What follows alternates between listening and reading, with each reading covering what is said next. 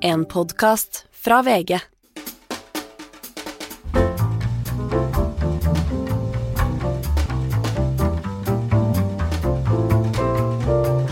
Hei, her kommer en smakebit fra min samtale med Ine Eriksen Søreide. Tidligere utenriksminister, forsvarsminister og noen vil si kanskje neste lederen i Høyre. Vi snakker om eh, Ukraina, Kina, om Forsvaret, om viktigheten av å satse mye på Forsvaret, og om EU, hvor vi er veldig, veldig enige, vil jeg si. Her kommer smakebiten. Du kan høre hele på Podme og VG+. God helg. Da må vi snakke om Kina. Der er, tror jeg ikke vi er så enige, nødvendigvis. Um, For det er en litt, ganske lite ærik del av den forrige regjeringas historie. Både hvordan dere ikke møtte Dalai Lama da han kom eh, til Norge, med Høyres stortingspresident Olemic Thommessen som nektet ham å gå inn hoveddøra i Stortinget etter påtrykk fra regjeringa, og hvordan Norge da la seg ganske flate for et stadig mer autoritært Kina. Hva tenker du om dette i ettertid?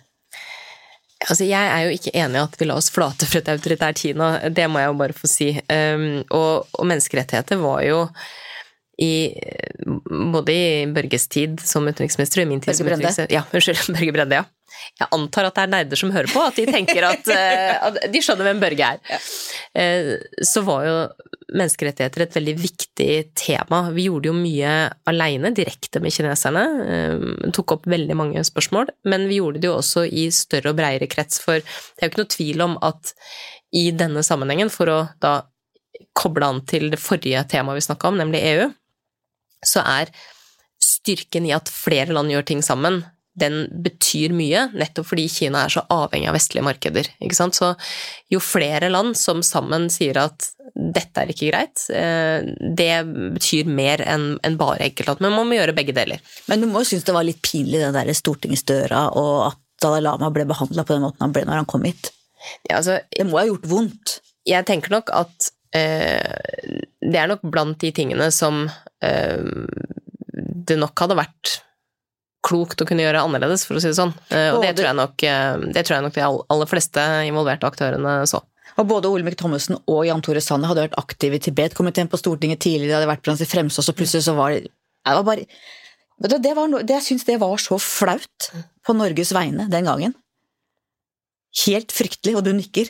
Nei, altså, men poenget som jeg sier, jeg tror nok at det er blant de tingene som man så i ettertid at både kunne og burde vært gjort annerledes, eh, helt åpenbart. Eh, Og jeg tror nok at eh, det som er en utfordring, tror jeg, for de aller fleste vestlige land nå med, med Kina, det er jo at det går jo ikke i riktig retning i Kina heller, det strammes ytterligere til, og etter den 20. partikongressen nå, så er det veldig interessant å se hvordan det som etter den 19. partikongressen var mye fokus på økonomi, eh, velstand, økonomisk vekst, nå i stadig større grad har blitt bytta ut med sikkerhet. Mm. og alt det, inne, alt det det innebærer, eh, både internt i Kina og overfor andre land.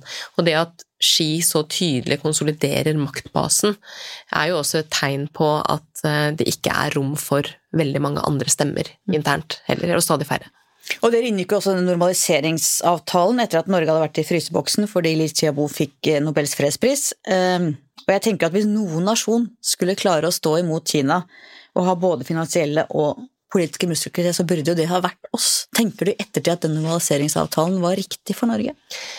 Ja, jeg mener den var riktig, eh, også fordi at den jo ikke, som enkelte har prøvd å si, eh, liksom skulle begrense vår mulighet til å ta opp menneskerettigheter, eksempel. Gjorde den overhodet ikke. Vi fortsatte jo eh, med in, altså økt intensitet å ta opp menneskerettighetsspørsmål med Kina etter normaliseringsavtalen. Men det var jo også litt av poenget, at i veldig mange år så fantes jo, nærmere da seks år, for denne avtalen kom i 2016, så fantes jo ingen arenaer å ta opp menneskerettigheter eller noen andre spørsmål med Kina på, for det var ingen møter på politisk nivå. Men er ikke det i seg, altså det symbolkraften i at vi, hvis vi hadde sagt at nei, vi kan godt være i den fryseboksen, det ville jo sendt et mye tydeligere signal til Kina om vårt syn på menneskerettighetene enn å ha litt sånn, hva skal jeg si, litt respektløst da, bladdy-blæ-samtaler om menneskerettigheter som jeg tror de bare gir helt beng i hva en norsk statsråd måtte si om deres forhold til menneskerettigheter. Jeg vil ikke si at det er bladdy-blæ-samtaler, snarere tvert imot. Det er ganske tøffe samtaler om menneskerettigheter på veldig mange inntrykk? ulike nivåer. Altså, summen av det tror jeg nok gjør et visst inntrykk på kineserne i den forstand at de også jo på noen områder ser at de må komme dette i møte. Eh, men det holder jo ikke at ett land gjør det, eller at én statsråd gjør det. Det må jo være flere land som gjør det. Vi mm, tok jo initiativer også sammen med både andre europeiske land, også med Canada, om f.eks. vilkårlig fengsling, som jo kineserne driver mye med. Og det er jo et initiativ som til slutt samla, tror jeg, 55 land. Det er en, det er en viktig måte å eh, markere på. Men jeg tror ikke at det budskapet hadde blitt sterkere av at vi ikke hadde kunnet si det direkte til Kina. Og det er mitt poeng. At jeg tror ikke det hadde, liksom, det hadde ikke brakt situasjonen med menneskerettigheter i Kina framover. Så er det jo ikke tvil om at vi, eh, både med Kina og med ethvert annet land altså Det er jo ikke et, det et endimensjonalt forhold. Og i, på hele 2010-2020-tallet så har jo Kina vært ganske avgjørende f.eks. For, for å få i havn store klimaavtaler. Og det er jo noe alle land merker veldig godt, at eh, på en del sånne områder så må Kina være med, fordi de er en, de er en stor forurenser. Eh, og de har, altså hvis, hvis, de gjør noe med klimagassutslipp, så kan faktisk ting skje eh, på en positiv måte. Og etter det jeg forstår, nå har ikke jeg sittet inne på noen måte i forhandlingene i Sharm el Sheikh, men etter det jeg forstår, så var det jo også Det som til slutt løste mye av det, var at Kina trakk noen av sine innsigelser. Eh, og ble oppfatta konstruktive bl.a. av USA på det feltet. Men de har også en egeninteresse av å redde klimaet? Ja, det bør de jo ha. Ja, de, ja. I, likhet de, I, likhet med de, aller fleste andre. Ja. Eh, og nå jobber man jo med en frihandelsavtale med Kina. Arbeid som begynte under Jens Stoltenbergs regjering i sin tid, og som ble lagt på is en periode etter fredsprisen, og som dere tok opp igjen. Og nå virker det som ligger litt i dødvann igjen. Tenker du at det er klokt eller ikke klokt å inngå en frihandelsavtale med det Kina vi ser nå? Det kommer helt an på hvordan avtalen blir, og det er jo det som har vært gjenstand for veldig mye diskusjon også. På noen områder er det ikke vanskelig å komme til enighet, men eh, norske myndigheter har f.eks. vært veldig tydelige i alle de regjeringene som har holdt på med denne frihandelsavtalen, eh, på f.eks. arbeidstakeres rettigheter, eh, som kineserne har vært lite villige til å gå inn på. Og det er jo blant de tingene som gjør at det ikke har blitt en avtale. Eh, og så får man jo se hvordan en eventuell avtale kommer til å se ut, og så må man jo ta stilling til det da.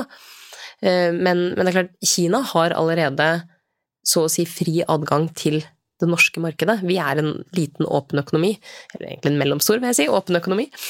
Eh, og så spørsmålet her er jo også hvordan man da eventuelt kan bedre vilkårene for norske bedrifter som skal eksportere til, til Kina. Men her er jo vårt poeng, i likhet med det jeg tror var Stoltenberg-regjeringas poeng, og som jeg antar er den, den nåværende regjeringas poeng, vært at vi må ha inn noen klare standarder på en del ting, eh, og at det, det er noe som må ligge til grunn for at det skal bli en avtale. Så, så når den eventuelt kommer, hvordan eventuelt vil se ut, er det veldig vanskelig å si nå. Eh, og så er det jo eh, ganske tenst mellom USA og Kina, og også Joe Biden som da har gitt ganske ulike signaler om hva USA vil gjøre dersom eh, Kina skulle angripe Taiwan, som jo mange regner som den potensielt farligste konflikten i verden akkurat nå. Potensielle konflikten. Mm. Ja, det er, det er, jo flere interessante sider ved det som, som, skjer nå. Um, jeg tror ingen må tro og mene noe annet enn at dette Den strategiske rivaliseringa mellom USA og Kina er dyp og strategisk, og den kommer til å bli langvarig. Hvis du vil høre mer av denne samtalen, så kan du gå inn på VG+, eller Podmy. Der ligger hele episoden. God helg!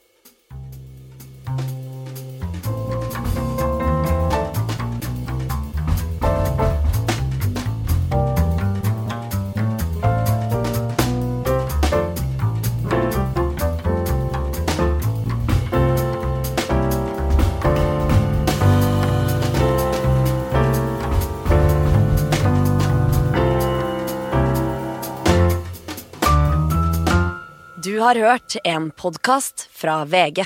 Ansvarlig redaktør, Gard Steiro.